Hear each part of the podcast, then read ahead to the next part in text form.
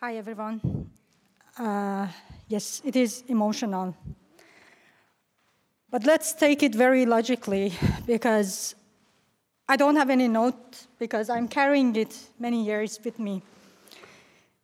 And words sometimes cannot tell the uh, amount of pain sometimes we carry in our body. The day Mahsa Amini was dead on the hospital's uh, bed, we saw ourselves died and we got a life back again. What you see Iranian now, they are not the same Iranian before Mahsa Amini. We got a new life, the life that only considers to fight for freedom.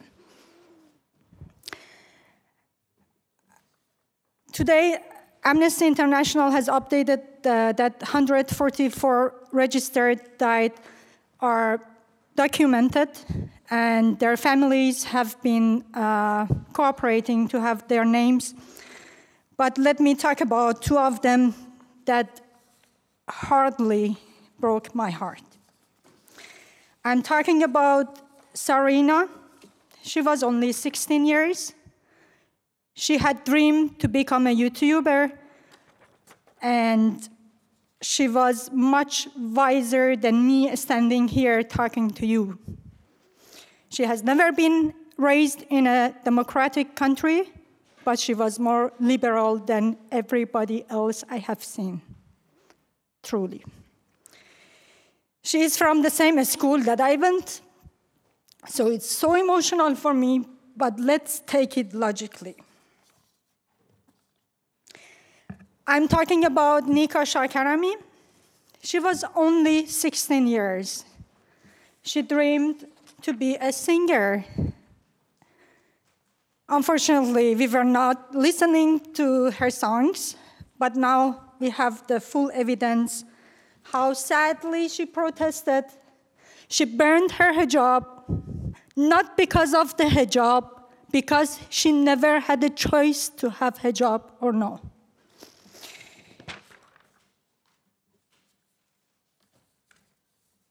When I was 15 years, I became journalist in Iran as a girl. I thought we have two little voices talking about our country, our city.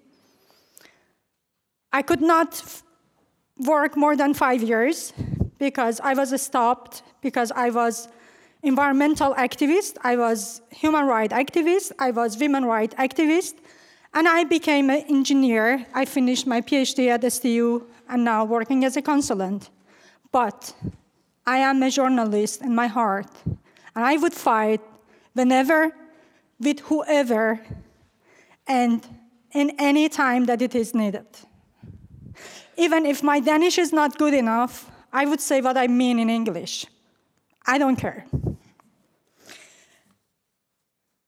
The solidarity that you see among Iranian, it is only because we have at least one family member, one classmate, we ourselves, or anyone in our neighborhood who has been physically, verbally, or mentally violated by Islamic government.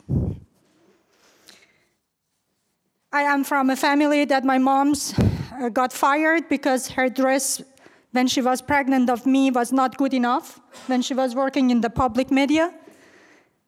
And 38 years ago, my father could never find the public work because in public section because he was politically against the government all the time.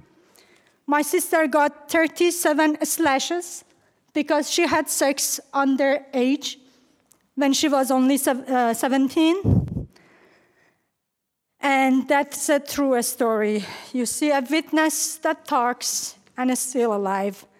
But I am not the same person, and Iranian are not going to be the same person after Mahsa Amini is dead because we all died on that hospital. We all died, and we got a new life again. Thank you.